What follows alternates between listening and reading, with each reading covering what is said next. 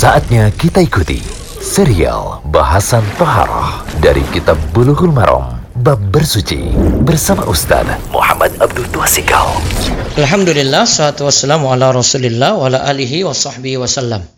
Baik, sekarang kita masuk audio ke-52 dari kitab Bulughul Maram, Tohara, tentang masih adab buang hajat. Kita lihat hadis ke-94 dan 95 ini terkait dengan adab-adab buang hajat. Ya, ini sekali lagi terkait dengan adab-adab buang hajat. Ada dua hadis nanti kita sebutkan berkenaan dengan adab ini. Yang pertama, hadis ke-94 dari Jabir radhiyallahu anhu.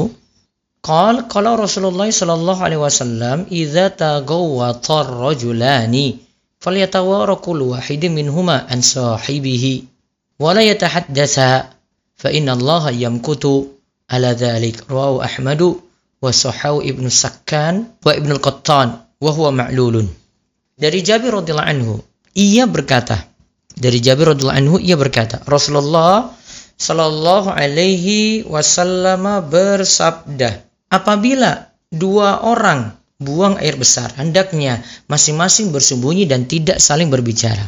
Artinya saling menjauh tidak saling menampakkan diri dan tidak saling berbicara. Jangan ngobrol nanti satu kamar mandi sebelah kamar mandi sebelah terus bicara gitu.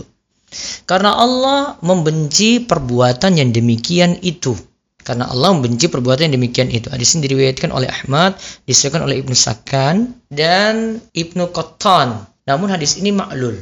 Artinya ada sisi cacat di situ. Namun secara makna hadis ini benar karena di sini diajarkan pertama wajib menutup diri saat buang hajat.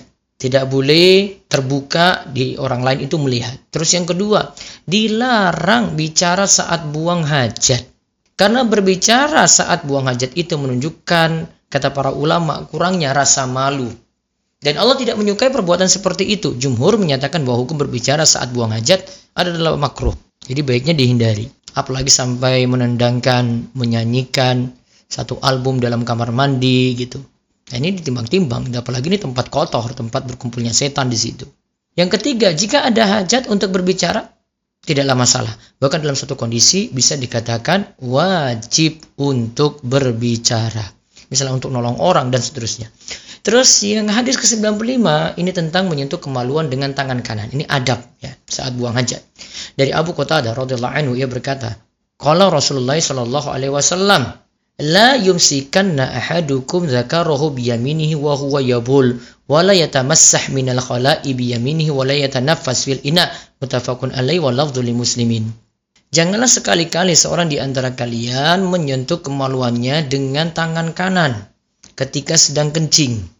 Jangan pula membersihkan bekas kotorannya dengan tangan kanan. Dan jangan pula bernafas di dalam bejana atau tempat air. Ada berapa faedah dari hadis ini? Yang pertama, di dalam hadis itu disebutkan dilarang saat kencing menyentuh kemaluan dengan tangan kanan. Karena apa? Karena tangan kanan itu untuk urusan yang mulia, yang baik-baik. Jumhur ulama menganggap perbuatan menyentuh kemaluan dengan tangan kanan ini menyatakan dengan hukum makruh. Hukumnya makruh. Namun jika dalam keadaan darurat hukumnya menjadi boleh. Misalnya tangan kirinya itu terluka dan seterusnya. Terus eh, baiknya tidak menyentuh kemaluan dengan tangan kanan dalam keadaan lainnya, tidak hanya saat kencing saja. Terus yang keempat, dilarang beristinja dengan tangan kanan baik saat buang air kecil maupun buang air besar, termasuk saat menggunakan air ataukah batu. Lalu yang terakhir lagi dilarang bernafas dalam wadah minum, baiknya di luar wadah tersebut. Larangan ini karena beberapa mudarat, di antaranya minuman jadi kotor, karena kan udara yang keluar, nafas yang keluar itu kotor, kemudian bisa menularkan penyakit. Wallahu Demikian serial bahasan Toharah dari Kitab Bulughul Maram Bab Bersuci bersama Ustaz Muhammad Abdul Tuasikal.